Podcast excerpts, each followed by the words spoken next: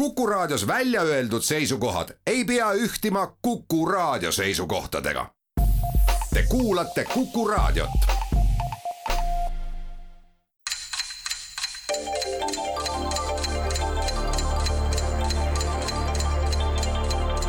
tarkade klubi targemaid küsijaid toetab lisateadmistega Postimehe raamatukirjastus tere taas, Kuku raadio Tarkade klubi tervitab häid kuulajaid hundikuu neljandal ja viimasel laupäeval ja loodab siiralt, et Eesti rahvusloomal on kõhus toimetavad livlikud oma töö positiivselt ära teinud, võsavillemid on oma armastuse leidnud ja et tal tervikuna läheks eesseisev aasta hästi. nimelt just suside jooksuaja järgi on tähelepanelik vanarahvas omapoolse liignimega jaanuarile andnud. kolmkümmend kuus kaarti ja punnivinn oli ühe nõukaaegse anekdoodi püant ja täpselt sama palju päeve on jäänud tänasuguse aasta ühe tähtsa sündmuseni, demokraatia pidupäevani meil siin Eestis, kuigi tõele au andes on need pidupäeva fanfaarid tänaseks juba enam kui küllastumiseni kõlanud. ja tonaalsusest Straussi kergemast polkast kuni Tšaikovski tuhande kaheksasaja kaheteistkümneni välja, Schönbergi hilisemast loomingust rääkimata. inimlikult on meil kõigil siin hea meel sellest, et aktiivset välikampaaniat tegevad kandidaadid ei pea nüüd enam nii palju külmetama, kui kultusfilmis Operatsioon Õ samal eesmärgil ehk tarbijate enda poole võitmisel turul toimetanud pulgakommimüüja Juri Nikulin säravas kehastuses. inimlikult on meil hea meel ka üsna mitmest asjast veel, näiteks ootamatult pähe vupsavatest või tubli tööga tuletatud vastustest viguriga ehk krüpteeritud küsimustele, milliseid tarkade klubis kipub ikka esinema. hea meel on taas raporteerida, et need meie, kellele korduvalt on viidatud, on sama vahva nelik mängijaid, kes nädal tagasigi. tõesti on hea meel Tallinna stuudios tervitada erudeeritud võistluspaarina folkloristi ja õppejõudu Marju Kõivupuud. tere kõigile! ja Marju paarilisena samuti õppejõu ja kirjatsura ametit pidavat Tunt Kriimsilma ilma kümnenda ametita Marek Strandbergi. tere! Tartu stuudios on aga hea meel taas lehvitada Eesti Rahva Muuseumi säravale direktorile, teaduse populariseerijale ja ajakirjandusteadlasele Kertu Saksale. tere! ja kultuurierudiiti, loojat ja muuhulgas ka siis Kevade katku ja paberist linna loominguliseks linnateoseks vorminud Andres Keilile. tervist! meie tänase saate kümme küsimust on jaotunud järgmiste teemade alla. ma olen Tartu ja sina oled Tallinn. kultuur, geograafia, Slava Ukraini ja miski ütleb mulle, et mängu lõpetama jääv sport. tänased küsijad on Kivimäe kooli ajaloo ja ühiskonnaõpetuse õpetaja Margus Pillau, raadiokuulajad Tarmo Niinepuut, Enno Sivadi, Taavi Pae ja Valeri Küpsis. alustame ja täna on avavaliku Marekil ja Marjul, palun no mis sul nüüd siis on, sa oled kultuur, kultuur, siis me oleme kultuursed, saame kultuurselt äh, saame kultuur... nulli oh. näiteks. ära hakka sõnu. eelmises mängus parima küsimusega premeeritud Tarmo Niinepuu küsib. aastal kaks tuhat üheksa tegi Tom Stiiber ühe filmi, mida loetakse kõige igavamaks filmiks aga mille reiting on vastavas andmebaasis ehk siis IMDB-s üheksa koma seitse millest see film kõneleb, küsib ta. see tehti kriitikule vastuseks nende lubadustele, mida nad ütlesid, et nad pigem teeks seda tegevust, kui et vaataks mõnda filmi, mida nad hindasid. aastal kaks tuhat kuusteist tegi üks Briti iseseisev filmitegija teise samasuguse sisuga filmi, mis sai rahastuse Kickstarteris ehk siis Hooandjas ja kestab kuussada seitse minutit see oli siis protestiks Briti Filmiinstituudi nõuetele iseseisvate filmide tegijatele. selle filmi reiting on ka hea, üheksa koma null mis tegevus see on, mida küll igapäevaselt me ei tee ja mille tunnistajaks pigem meil ei lasta olla, sest see on pigem tervisele kahjulik. täiendan, tervisele kahjulik siseruumides tervisele kahjulik siseruumides on esimene asi, mis on erakordselt loll vastus, aga see ei ole õige, et see on suitsetamine, aga sellest ei saa filmi teha. ei vastupidi, lihtsalt nagu keegi suitsetab lihtsalt järjest nagu lihtsalt. Äh, kuussada seitse minutit on. kuussada seitse minutit lihtsalt rahulikult siseruumi. Jim Jarmusch on teinud sellest filmi muuseas. sa isegi tead mingite inimeste nimesid, see tähendab ikkagi on tegemist kultuurse inimesega. Mm. noh, kui suitsetamine see ei ole suitsetamine on kahjulik inimesele nii väljas kui sees, see vastab no, nagu tõele. noh, nii ta on jah, aga siseruumides ilmselt natuke rohkem, vist räägitakse mille poolest? no, no teised poolest, kannatavad. teised kannatavad, kui sa oled Aa, kellegagi koos ja hingad seda kõike mm. sisse, siis on, aga, aga katsume nüüd muutuda kuidagiviisi konstruktiivseks. kõige igavam film, mida me ei teeks ja mis on tervisele kahjulik aga mida saab jälgida, kui kaua, mis siin on, issand jumal filmi loojad on väga leidlikud tegema. aga huvitav, kas seda tegevust siis järelikult siseruumides saab teha, kui see siseruumides on veel kahjulikum, siis põhimõtteliselt nagu saab teha mingisugune ihu kergendamine. no aga see on. kuigi siseruumis on see just tervislik. siseruumid ongi selleks ette nähtud. jah, just nagu ütles mu kadunud vanaema, kuigi et see peaks ikkagi olema väljas, et sellepärast väljakäik, väljakäik ongi, et asub väljas. jaa, aga. aga, aga ma ei tea, aga, aga või jääb. mille tunnistajaks ei taha me olla? me ei taha olla juures, kui keegi suitsetab. no ma ei tea see.... aga see ei ole nagu tunnistamine. kas sa võid suitsetada? minnaksegi suitsetama välja, eks ja. ole, et see ongi nagu. ei no ma ei taha sind sundida, aga minult muud vastust nagu ei tule. jääte selle juurde? jah ei ole õige vastus. no mida oli arvata? nii mm,. mul on siin on paar, üks mõte on, ehk siis, et mulle meenus näiteks selline tore äh,, tore Itaalia jalgpallur, kelle nimi oli Mario Balotelli, kes äh, lasi hotelli vannitoas ilutulestiku lahti. ja siis mulle üksiti meenus see, et äh, et töötavat inimest, voolavat vett ja põlevat tuld võib vaadata lõpmatuseni, et äkki see on lõke. ei ole ka lõke see on Tõsi, veel, veel üks klišeelikum vastus. ma pigemini vaataks värvi kuivamist kui seda filmi, see on värvi kuivamine, millest film Aha, tehti. ja, ja, ja, ja. aga mm. kuidas on värvi kuivamine ohtlik siseruumis? no ta, ta oli kunagi, hingab, no, hingab sisse seda. no õige värv on veepõhine emulsioon. kas sa, kas sa kehmikuna mäletad, nõukogude ajal olid pentaftaalvärvid? no igasuguseid värve oli nõukogude ajal. siseruumides kasutada, aga kasutati. igal juhul värvi kuivamine on see, mida ma igaks vastuseks. ja see on tõesti klišee, seda öeldakse päris tihti, ma pigem pigem vaataks värvi kuivamist kui seda filmi või laulu. Kertu ja Andres, teie valik oota, mis see, mis see oli teil kultuuri küsimus või? see oli kultuuri küsimus. see oli kultuur jah. aga võtame teise kultuuri. ja samuti eelmises mängus auhinnatud Tenno Sivadi küsib nüüd. Beethoven suri enne, kui ta jõudis oma kümnenda sümfoonia valmis kirjutada. sellegipoolest toimus kolme aasta eest aprillis, kaks tuhat kakskümmend siis, selle sümfoonia esmaettekanne. nimetage teose lõpetanud autor ka males on küsitaval ette näidata märkimisväärseid saavutusi. see on ju spordi küsimus. kultuuri küsimus. Beethoveni lemmikpuuvili oli banananaan aga kes lõpetas kümnenda sümfoonia? küsimus kõlab nimetage teose lõpetanud autor, Kamales on küsitaval ette näidata märkimisväärseid saavutusi. kindlasti Anatoli Karpov ja male ja kui tähendab ja sport on ka kultuur, nagu me kõik teame. males, Anand, Karlsson ja aga ta ütleb, et ei ole spordiküsimus, et lihtsalt on väga tubli maletaja natuke teadis malest ka Karmen Kass, aga no vot seda ma praegu ei usu. ei no aga päriselt noh kas ei olnud ju keegi eestlane, see ometi ei olnud, see ei olnud Tüür või keegi, keegi sihuke või Pärt või. või kellel on male, nendel, ma nüüd ei tea, et kuidas no, malega, malega nagu seisud on. oota, kaks tuhat kakskümmend või? Eestis, no vot siis oli meil juba kõvasti koroona on ju, siis kõik olid kodudes, polnud midagi teha, keegi lõpetas keegi lõpetas sümfoonia. kes meil need tead, aga äkki ikka tõesti praegu kuidagi niisugust filmi heliloojat? Eesti või? ei. Karl Zimmer näiteks Ennio Morricone. Ennio Morricone Enne surma jõudis või? see Morricone ja Beethoveni sümbioos või, või tähendab, ja, jah, läheb sujuvalt kantriks üle selliseks. vot siin oli see male, male probleem oli ka veel. male probleem on tõsine. ühtlasi oli ta veel täitsa kobe aednik ja, ja päris hea vaibakloppija ja kena inimene. ja kena inimene aga äkki ei olnud üldse helilooja, autor?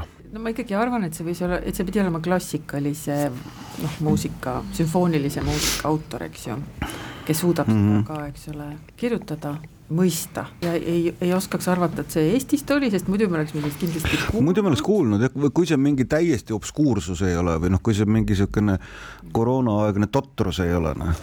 jah, et, et keegi lihtsalt tegi nalja, et mm -hmm. tead, vot hästi imelik on, et te üldse ei ole kuulnud sellist asja, sest et kas see siis äh, sumbus mingisugusesse koroona hägusse sest kaks tuhat kakskümmend, vaata, eks ole, siis märtsis ju tuli juba eriolukord. kõik olid täiesti üksteist märts või kolmteist märts või mis see oli?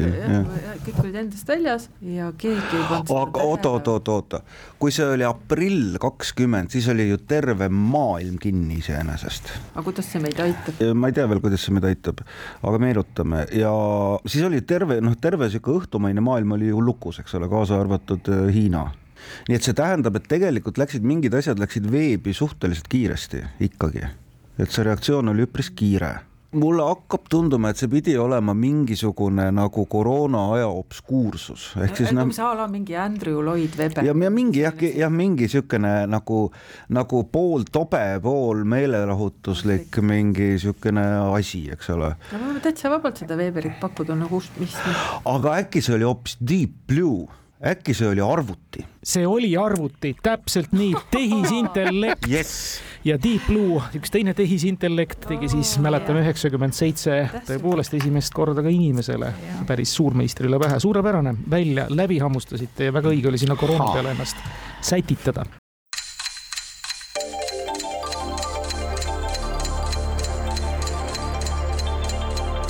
tarkade klubi targemaid küsijaid toetab lisateadmistega Postimehe raamatukirjastus.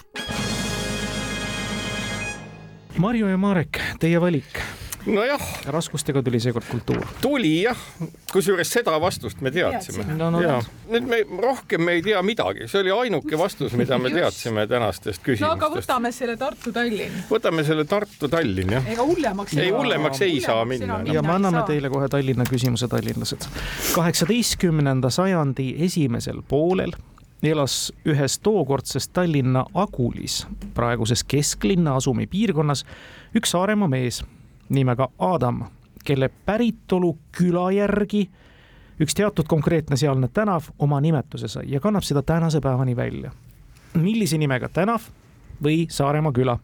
Ja vihje, tänapäeval hiljutiste aastakümnete jooksul on küsitav nimi oma sisulise tähenduse järgi ennast linnageograafias antud ümbruses täiega õigustama hakanud. Nii, see on siis kesklinn, ei ole südalinn, siis hakkame siit ümberkaudu eh,, hakkame siis vaatama, aga võib-olla peaks minema kuskile sinna, ma ei tea, kas sinna sadama kanti, kus, aga seal ei, mis meil siin on, meil on siin Sibula küla, meil on Kassisaba, meil on Sikupilli, mis tänavad siin nendes, nendes piirkondades. on? No Saaremaa küla kindlasti ei saa olla mingisugune selline metropoliitliku nimega, et. ei, ei, sellepärast ma hakkasingi mõtlema, et milliseid selliseid tänavaid meil siin noh, nagu ütleme, südalinnast natuke väljapoole jääb.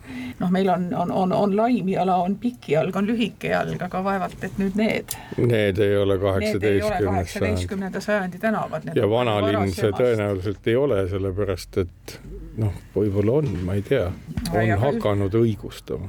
noh, kõik no. need lootsid ja need ei ole ju noh, sellised merega seotud, mis sadamapiirkonnas on. siin on tekkinud väga palju uusi tänavaid ja ma paraku olen ka suhteliselt uus tallinlane, et mis võiks nagu, mis võiks nagu siis õigustada praegu, et ta on nagu hästi kas suunda muutnud näitav või, või mingisugune tüüp no ma just mõtlen, et ega me naljalt seda välja ei mõtle, et mis on hakanud ennast praegu. õigustama, on Jõe tänav õigustab ennast aeg-ajalt sellega, et seal no. on nagu üleujutused. jah, Tuukri täpselt samamoodi, aga ma Jõe küla. aga kaheksateistkümnendal sajandil Tuukri mõistet ei olnud. ei olnud. Tuukri küla, Tuukri küla Saaremaal äh, kaheksateistkümnendast sajandist astronaudi küla kõrval, mis on viieteistkümnendast sajandist siis on meil olemas igasugused köögiviljad, et vaevalt, et ka kartuliküla see oli, eks ole, et, et mida ta endaga aga tänavad tõi. just nimelt, et ja on hakanud. tänavate, tänavate järgi ikka katsume vaadata, mis meil siin on oh,. no ei tea ju. sealt ei tulnud ju välja mingite soolakaupmeeste, mingi Rotermann, see ei ole ka küla. aga nojah, ma just mõtlengi, et Rotermann, Rotermanni küla võis küll Saaremaal olla, kui oli.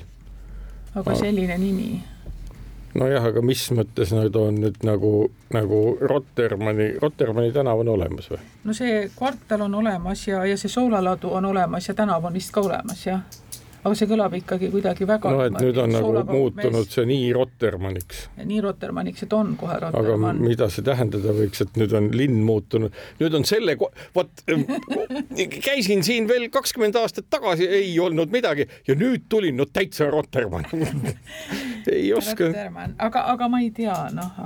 ma ei tea isegi, kas Tallinnas on Rotermanni tänav olemas, ikka on vist Rotermann. ei ole kahjuks õige vastus, Kertu ja Andres on mõlemad Tallinnas elanud. ja, ja, ja mm, ühesõnaga siin on nüüd nagu mitu teed, mida mööda minna, aga kohale küll ei ole jõudnud, ehk siis, et üks variant. üks tänav on, mida mööda peate minema, just see tänav on see, mis ja. on õige tänav et üks variant, mis me mõtleme, on see, et, et kui viimastel aastakümnetel, et, et siis võiks olla kuidagi seotud nagu mingisuguse viimastel aastakümnetel püstitatud ehitusega, eks ole, mis on kuidagi selle tänava nime siis niimoodi nagu pooljuhuslikult äh, konteksti asetanud, et olgu see ehitis siis kas Kalevi ujula või linnahall või olümpia või Viru või noh, mingi või Kalevi spordihall või mingi sihuke asi, eks ole. teine variant on see, et ta ikkagi, Aadam oli nimekas mees ja, ja, ja ikkagi see, et ta nagu tegi midagi, näiteks tehase mida siis on hakatud nüüd tänapäeval jälle kuidagi nagu väärendama, et üks variant on see, et, et see oli näiteks Adam Noblessner Saaremaa ja küla ja laeva ehitus iseenesest kõlab nagu loogiliselt, eks. no Blesneri äh, siis, olid. et see on Nobelitest see, tulnud just, ja see oli Nobeli venna järgi, just, just, just, just, just, et see ei saa olla. jah, et, et mm. see ei olnud ja see on kaugemal ka vaata, ta päris südalinna ikkagi ei, ei no kesklinn on jah, ta on nii ujuv mõiste, eks ole, või noh.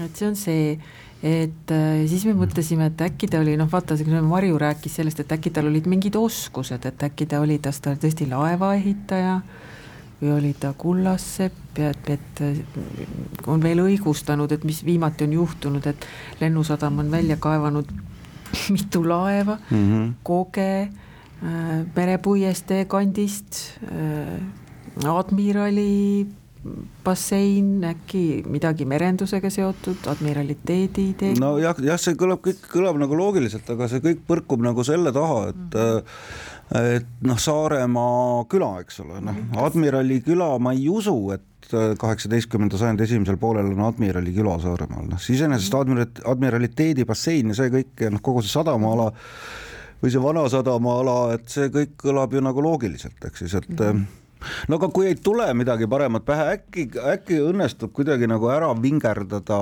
mm, nii, et et kui me vastame nagu selle kaudu, et mis siis on nagu muutunud linnakeskkonnas, ehk siis et tehke otsad. et onu Aadami perekonna nime me küll öelda ei oska, aga me oleme noh, õigustatud arvamusel, et see regioon või piirkond Tallinnas mis on viimastel aastakümnetel ikkagi kasvanud tema mm, perekonnanimele järgi, on see kant, kus asub meie presidendi residents ja kunstimuuseum nimega Kumu. Oleks ta olnud vähemasti lähedal, siis oleks välja vingerdanud, ei ole kahjuks õige vastus, Marju, veel punktita võimalus. tähendab, mina hakkasin praegu mõtlema, et mis on Tallinna siluetti tohutult kujundanud ja mis on meil siinsamas külje juures, on Tornimäe täpselt nii, võinuks varem nõks tulla. Marju mm. vaatab neid torne unistavalt praegu siinsamas stuudios, mis paistavad aknast. ja, ja, ja nüüd on nuttu pikalt. Tornimäe tänav, Tornimäe küla, kus töömees Adam oli pärit. Mul, nagu ma ära andsin ja ma hakkasin äkki mõtlema, et tõepoolest, et ma tean, et Saaremaal on Tornimäe, et see tundub küll tohutult no, võõras, aga, aga see Tornimäe, nii et vähemalt ma, ma kingin endale moraalse punkti. just, tegelikult me läheme kohtusse sellega. Tornimäe tänav, ma võin Paul Kerese numbri anda, Tornimäe tänav asub Maakri asumis, kus nõndanimetatud Tallinna Manhattan paikneb. Vahetus naabruses siis juba ka varem püstitatud stalinistlik tornihoone.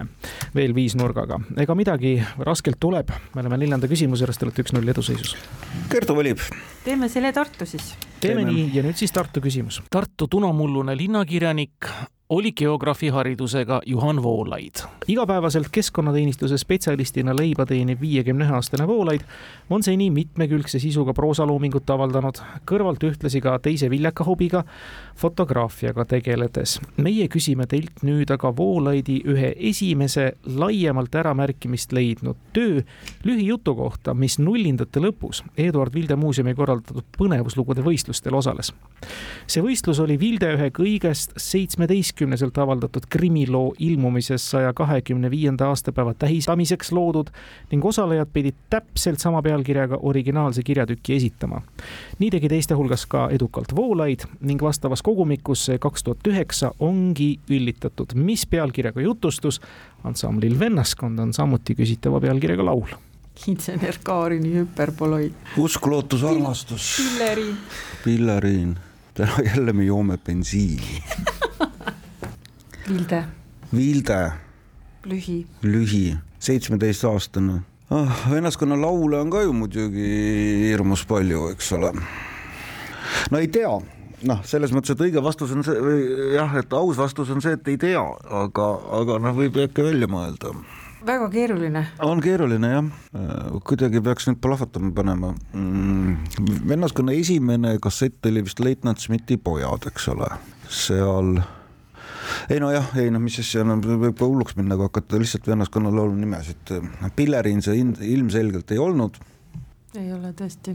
nagu natuke hiljem, Pillerin on sihuke Tuglase nagu nimi võiks olla, Pillerin mm. -hmm. ma paneks veel hilisemaks. jah, võib-olla küll jah oh jumal. see on raske küsimus. ja siit no, ma ei oska nagu kuskilt kinni võtta, noh.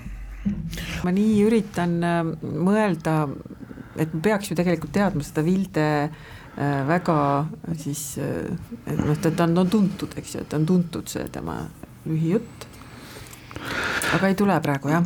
mulle hakkab siin tunduma, et see peaks olema niimoodi natuke keerukama pealkirjaga sest et muidu ei oleks Timo rõhutanud, et täpselt sama pealkirjaga peab mm -hmm. olema see. Ehk siis, et noh, sada vakka tangusoola või noh, saad aru, selles mõttes nagu keerukama pealkirjaga, mitte lihtsalt, ma ei tea, armastus või la la la hmm praegu täiesti ajukramp on ühtegi Vilde, mis see Vilde oli meil, Külmale maale. kuumale maale. külmale mehed... maale laul ei olnud äh.... see on JTMK jah? jah, täpselt. lilleke rahuks Äh, see on see hoopis Sindi, Sindi bänd jah ja.. siis, kui Ani ja mehed Tallinnas käisid, on meil Vilde, eks ei, ole. see ei ole niimoodi, see on, kui Hani ja mehed Tallinnas käisid see on väga kriminaalne lugu. ahah, Jeesus. ja kui Jeesus koos Hane ja meestega Tallinnas käis, see on eriti kriminaalne lugu. äkki me peaksime stand-up'i tegema? kuule oot-oot-oot, aga meil on Tartu küsimus praegu, kas see kuidagi Tartuga äkki ei ole seotud, kas ei ole ühtegi vennaskonna laulu, mis on Tartu teemaline? Jurjevi verine laip muidugi. kuidas ei ole, siis kaunim, kaunim linn on Eestis Tartu, see on väga kriminaalne sellest ei aita ka meid, ma ei tea, see on Tartu küsimus, sest on Tartu linnakirjanik, aga... Tartuga seotud äkki. noh, Valgre. Ei, aga, ei, aga no tõsiselt äh.... kuule, aga kiusame vastasmees äh.. ei vaat ei saa nii, et ei, minu mälumänguri see. see ei anna alla.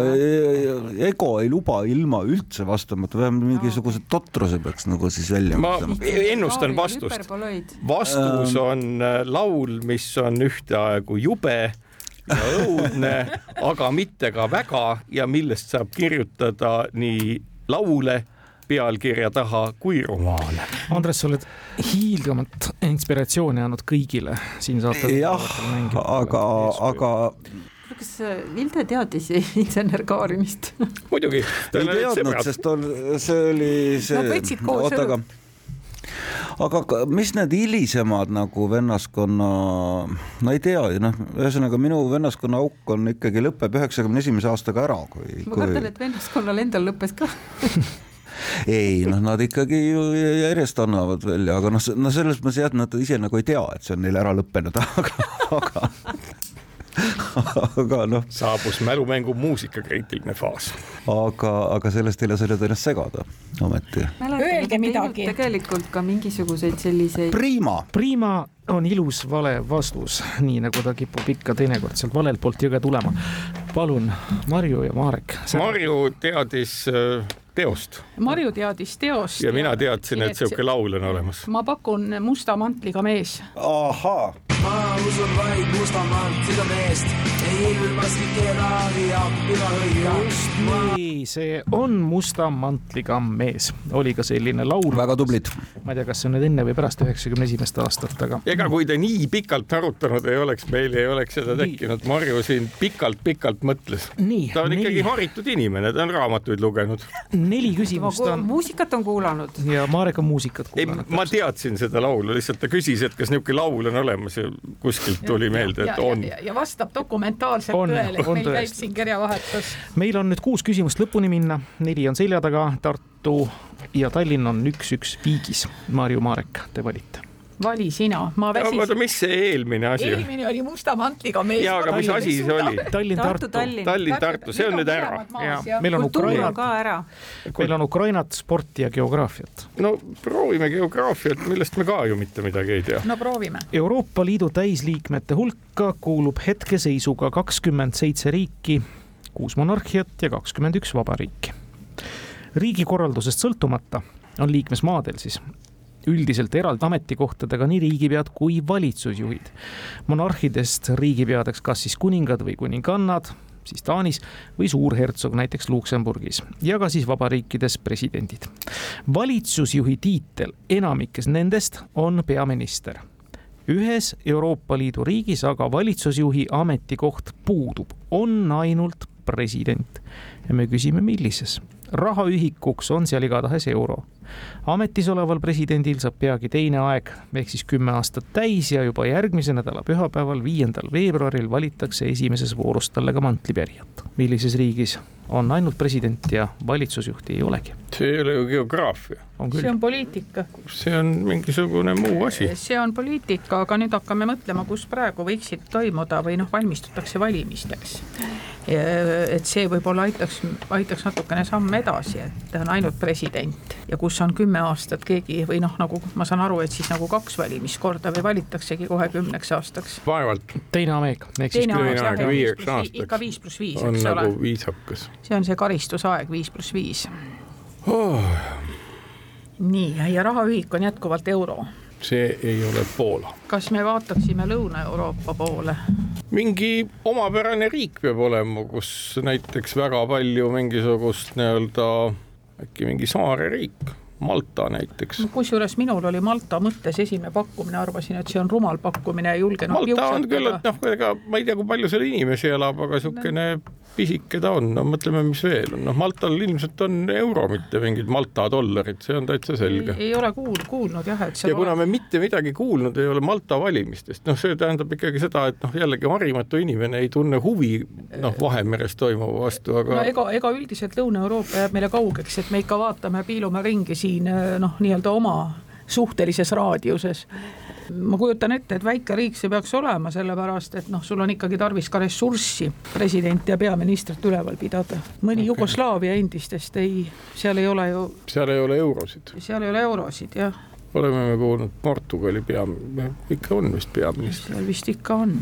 no ma ei tea, ega aeg, aeg on kallis. aeg on raha, Ütleme aeg Malta. ei ole Malta mm. -hmm. ja tartlased, Kertu Andres, noh, ei ole siin nagu äh, Elani jah, ütleme nii, et Elan ei, ei, ei mölla praegu peas. ei jah, paistab meil silmist. aga, aga äkki, meil on mitu valikut oli meil siin, sa, sa ütle, kui on õige, me hakkame ütlema, ei no ma ühesõnaga, aga oota, aga kas nüüd me saame kõva häälega rääkida, kaua Orban on olnud, on sul no meeles? tal on ka teine sats minu meelest jah, et ta tegelikult no hakkab närviliseks muutuma. Aga noh, valimised kohe noh, kolme nädala, ei mis asja, mis, kuna sa ütlesid, et need valimised nädala on? pärast. viiendal veebruaril. aga Ungaris mingid valimised olid, aga kas need olid äkki parlamendivalimised siin paar aastat tagasi?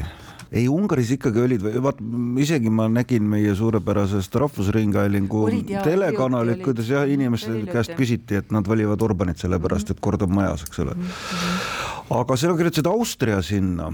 Austria mulle tundus ka, et seal on president, aga ma ei tea, kas seal ka peaminister on ja Põhja-Iirimaa oli ka teine selline, mis ma aga kas Põhja-Iirimaa on, kahekümne seitsme hulgas, on jah? jah. no mina ei tea, ma, ma Austria poliitilisest süsteemist ja Põhja-Iirimaa poliitilisest süsteemist tuleb tunnistada nagu tõtt, on mu teadmised enam kui lünklikud. aga Austria, kes Austria president on üldse? on olnud äh, oli Eesti mingi- mingi... juurtega isegi ka üks vanem härrasmees, aga nüüd ma võin jääda hätta praegu sellega, et kas see oli eelmine või on see praegune. Aga keegi, kas Austrias oli keegi kodanik Joška Fischer ka või?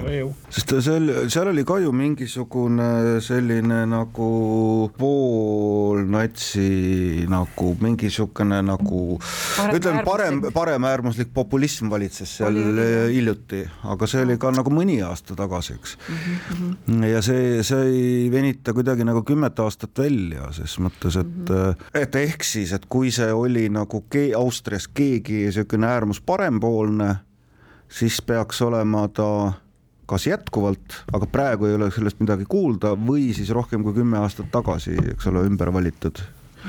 aga see oli nagu lähemal ajal. ja mulle millegipärast sisetunne seda Austriat pakub, aga ma ei ole kindel jah no minu sisetunne ei paku midagi, minu sisetunne pakub seda, et äh, jätan selle rõõmu ja au sinu naiselikule intuitsioonile äh, vastata ära see küsimus ja vastata palun õigesti. nii, meie pakume Austria. ei ole kahjuks Austria, Austria jah, Eesti juurtega president Aleksander Van der Bellen, aga seal on ka Mhm. peaminister, keda kutsutakse küll liidu kantsleriks. ma silmanurgast näen, et loomulikult ollakse tagantjärgi nii targad. Tallinnas lõpuks kirjutati paberile ka õige vastus, milleks on Küpros. Küprose vabariik okei. okay. kus ei ole peaministrit, seal on president ja seal on siis oma teist ametiaega lõpetav president Nikos Anastasiades.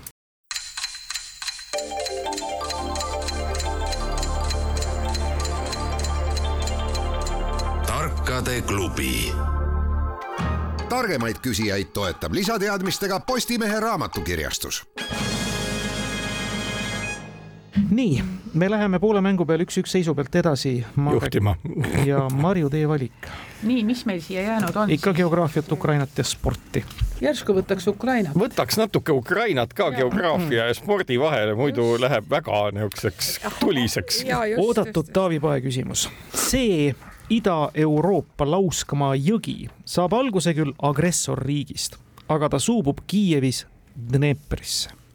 meile kes me kõik oleme nõukogudeaegsed lapsed, on see tuntud aga ühe toote järgi, mida toodeti Venemaal Brjanski oblastis Žukovka linnas.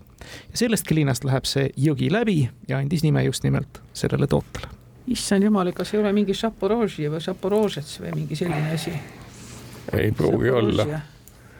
Venemaa jõgi, Venemaa, noh, Venemaal olid mis asjad?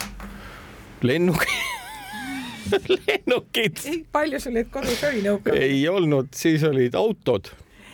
no sinna ma jõudsin otsapidi. autod olid äh, jõe nime järgi, Laada jõge ilmselt ei olnud. Oka jõgi oli, aga see voolab üldse Siberis. no just. ega ta nüüd nii salamahti ka. ja Pobeda jõe, Pobedat ei ole ka. Pobeda jõge ei ole Moskvitši jõge ka ei Moskva ole. jõgi on. jah, aga noh, Moskva nimelisi tooteid on liiga palju, neid oli kõik Neid kohad olid kõik kohad täis. siis mis asjad veel olid, olid mingid läänest maha viksitud pardlid, millel olid ka mingid siis müstilised. oli, siis oli õmblusmasin Podolsk, naiste, mis oli ka maha viksitud Singeri pealt. ei olnud Singeri pealt, ühe sakslase pealt no ühesõnaga põhimõtteliselt oli see, et välismaalt, Välismaalt, välismaalt võetud, no mis asjad meil veel on? mõtlen, mis asjad mida veel võis mida veel võis kõik maha viksida? Ja nendele jõ- nimesid anda siis äh, raadiod, raadiod olid. aga noh, raadiod, katsume, VEF, see oli Riias tehtud, see oli Riiast. siis oli ookean vaevalt, et voolab ookeani jõgi kaudu on see kõigega seotud, ma, ma mõtlen, mis veel olid, siis olid suusad. Nende Aga- nimesid ma ei tea, kindlasti olid need lihtsad, et turist näiteks või, jah, sellise. siis olid jalgrattad, jalgrattad, jalgrattad olid äh, leedukas tegi ju Euroliikas ja mis nad kõik olid. äh, jah Riiga Ri- naisteratas. äh,, jah. RL Jukas siiski. jah, Ukrainas tehti mingeid jalgrattaid. aa, ei, oot-oot-oot-oot-oot-oot-oot, oot-oot-oot-oot-oot no,. ühe jõenimelise jalgratta jaoks ma kogusin raha, metallrublaseid, sain umbes sada tükki kokku, siis sain ratta osta, selle ratta nimi oli Desna. õige Desna on õige vastus. me lootsime, et ei jõua sinna ah,. mälu on pikk ja kui oled raha, isiklikku raha, see maksis, ma ei tea, kas üheksakümmend viis või sada üheksakümmend viis rubla. üheksakümmend viis rubla. Desna Oh! see oli väikeste No väikeste ratastega, eks ju. minul oli Minsk, Minsk oli parem natuke. ja aga Minski jõge ei ole. aga minul oli Riiga naisteratas, vana väga hea mõtlema, kui oli. te hakkate Moskva peale minema, siis see ei suubu Kiievis Dneprisse kindlasti just. mitte, Desna teeb seda see on nii, teine punkt teile, te lähete nüüd rebite ennast ette kaks uh, selles oli revimine. töövõit, töövõit. Jalgrattaga saab isegi talvel sõita nagu. aga Jaa. palun, Kertu ja Andres, meie palume ka geograafia küsimust, mille oli- vastus on Desna. see oli, see oli Slava Ukraini. aga lähme siis Ukrainaga edasi, aga me paluks, või selle geograafiat Slava? Ukrai-, ei lähme Ukrainiga siis vaatame. Tuhat üheksasada üheksakümmend üks, vabanemise ja suurte lootuste aastal asutas andekas ukrainlasest teatraal kogu oma kaheksakümne viieni jõudnud elu kunstiliste vahenditega totalitarismi ja autoritaarsuse vastu võidelnud Roman Viktjuk Moskvasse endanimelise draamateatri otse kui irvitamisena Viktjuki stiili ja põhimõtete üle vallandati ta mullu kevadel, mõned aastad pärast maestro lahkumist kunstilise juhi kohalt ta töö jätkajast mõttekaaslane Deniss Azarov sõjavastase seisukohavõtu tõttu. ja nagu sellest veel vähe, seati septembri lõpus teatrihoonesse ka ajutine mobilisatsioonipunkt sisse samal ajal aga asus kunstitempli seinal Azarovi viimase, mõni päev enne sõja algust esietendanud lavastuse hiiglaslik bänner. kuid mobilisatsioonipunkti silmas pidades mõjus antud suurte tähtedega pealkiri seal otseselt sünge huumorina ja nii see peagi muidugi ka maha kisti. mis pealkirjaga lavastus? täpsemalt on tegemist algupäraselt mitte näidendiga, vaid esmakordselt juba tuhande kaheksasaja neljakümne teisel aastal trükivalgust näinud vene proosateose instseneeringuga. oh, ma nägin seda ju, Jeesus. ma, see tuleb, tuleb, tuleb. Kaukaasia vang või? ei, ei, ei, oota mm, see oli, oot oh,, täiesti plokkis on mm. -hmm. Ähm, ma mäletan ka seda uudist, aga ma ei mm. mäleta seda, seda pilti. Dostojevski see võis olla või? idioot ei, ta oli peenem, oli see huumor. kuritöö ja karistus no,? ei. sõda ja rahu? ei olnud see ka, ta oli, kas mingi, nojah, Eekri-Peedu ta ka ei olnud. oot-oot-oot, no ütle veel. anna veel, anna veel, jah, oota. las ma mõtlen, las ma mõtlen.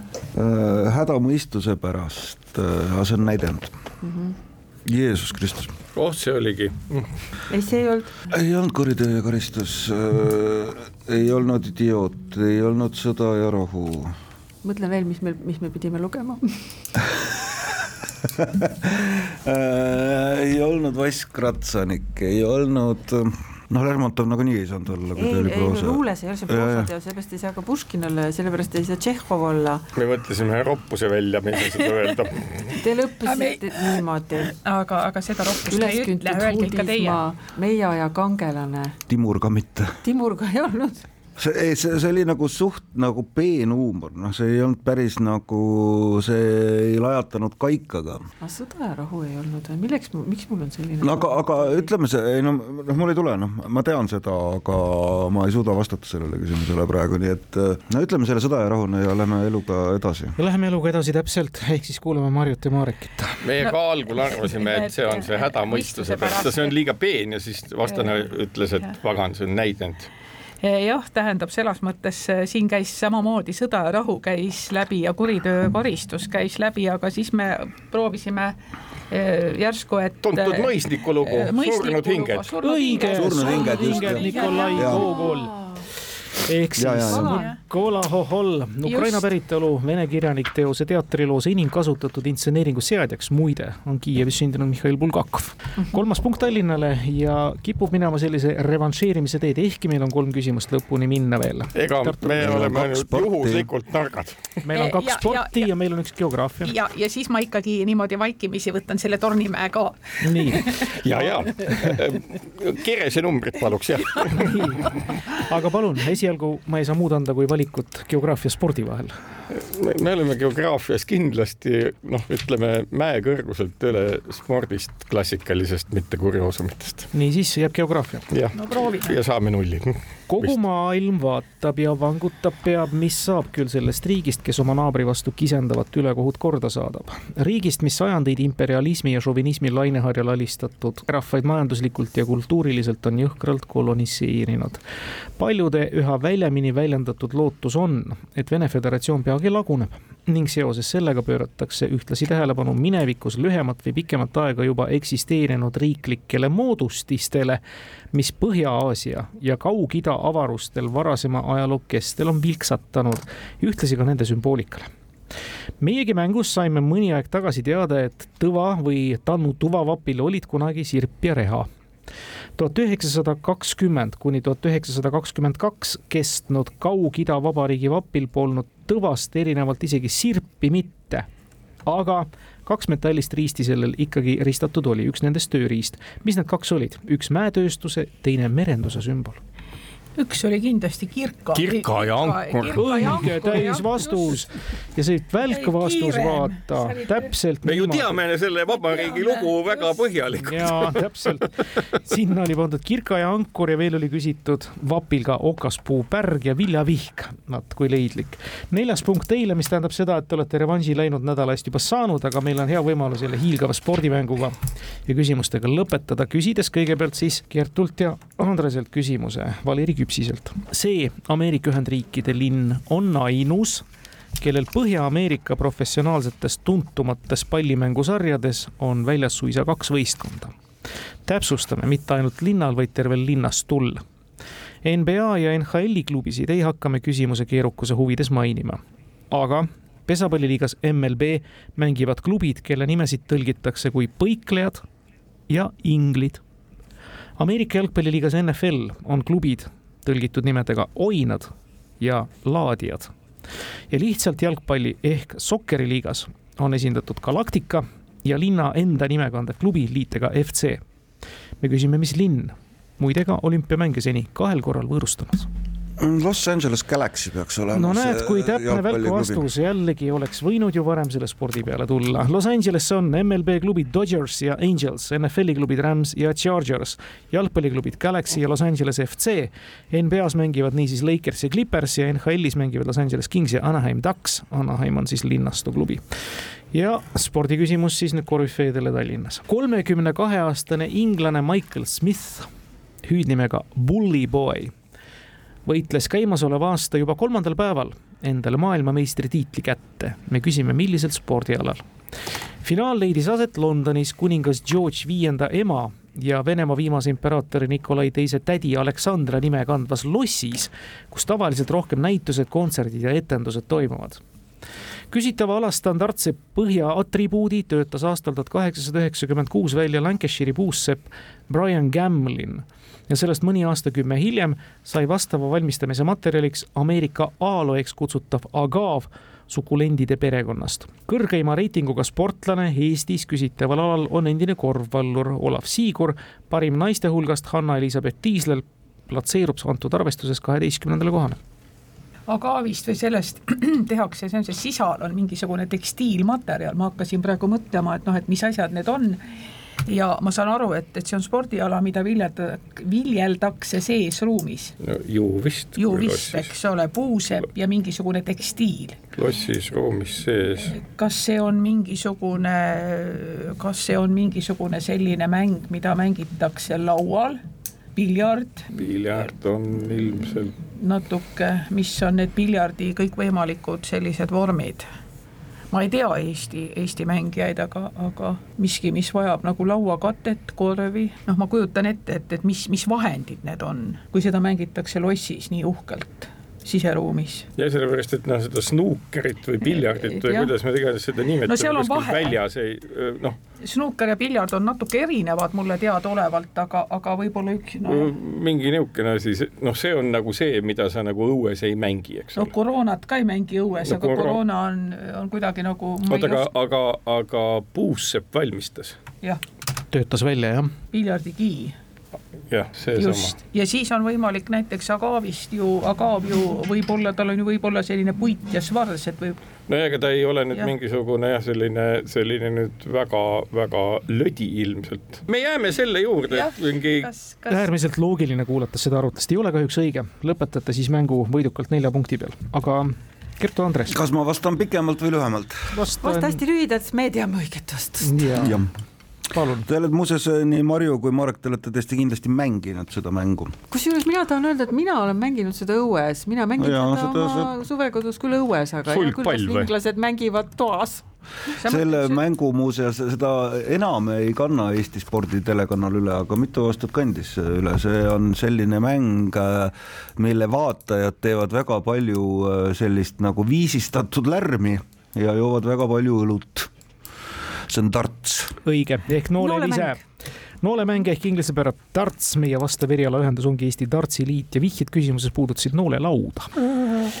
teine punkt tuleb Tartule. Kolmas teile. punkt ja napp allajäämine seekord ja aplodeerime mõlemale võistkonnale, te väärisite üksteist nende kahe nädalavahetuse vältel kohe hiilgavalt. tänase mängu lõpetame aga jällegi siis teadmisega ja teiepoolse nii-öelda hinnanguga tänastele küsijatele ja parimale neist no mina igal juhul jään selle Tornimäe juurde, sellepärast et läks Jaa. aega, mis läks, aga ära tuli. ja teine on lihtsalt seesama, et ma mõtlen seda, et kui pikalt see surnud hinged, see plakat pidi seal üleval olema ennem kui jah, orkid said aru, et midagi on paigast nii Tornimäe kui ka Surnud hinged Nikolai Gogolilt on Margus Pillau suurepärane lugu. aga siis sellisel juhul ma lisaksin siia ikkagi ühe äh, veel. Palun. see värvi kuivamise küsimus on ka tore. ja see oli Jaa. väga tore küsimus. Tarmo. Niinepuu, talle see siis ka hea. teist nädalat järjest jällegi auhinnaraamat teele läkitatud. tõesti värvi kuivamine, klišeelik, tore asi, millest film vändata või pigemini seda vaadata, kui mõnda filmi vaadata. aitäh ja siiras tänu Kertu ja Andres Tartusse. aitäh Marju ja Marek siia Tallinnasse, soovime teile ilusat edu, jõudu ja peagi saabuvad küünlakuud. Hoolega hoitud auhinnad toob kohale Smartpost Itella. lõpetame saate nagu ikka kuulaja mänguga. eelmisel laupäeval lõpetas meie saate küsimus, kus esmalt rääkisime Venemaa kunagise tsaari Paul Esimese algatatud kombest kinkida vastsündinud aadlipere lastele ordeneid. poistele siis Püha Andrease ja tüdrukutele Püha Katariina orden see komme elab omal moel nii Venemaal kui mujalgi, ka meil muide edasi. ja küsimus kõlas, kuidas? õige vastuse vihje peitub nimetatud ordenite lindi värvuses. poistele omistatud Andrease orden oli helesinise tooniga lindiga ja tüdrukutele antav Katariina orden roosa lindiga ja nõnda on ka tänase päevani säilinud komme kinkida või tähistada äsja sündinud poisse helesinise lindikese või muu sama värvi esemega, tüdrukutel aga siis roosaga. Kõige õigesti vastanute vahel naeratas loosiõnn kuulaja Jaak Keelmetsale. palju õnne, teiega võtame ühendust. uus nädala küsimus kõlab järgmiselt.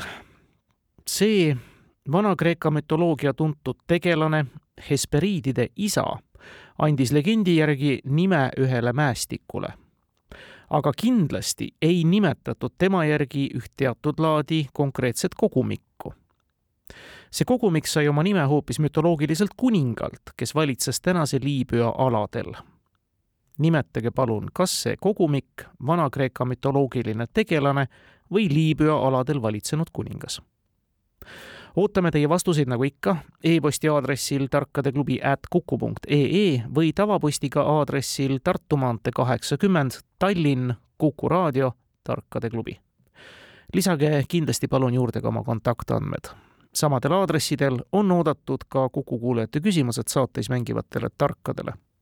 parimad küsimusedki saavad premeeritud. tänaseks lõpetame, kuulmiseni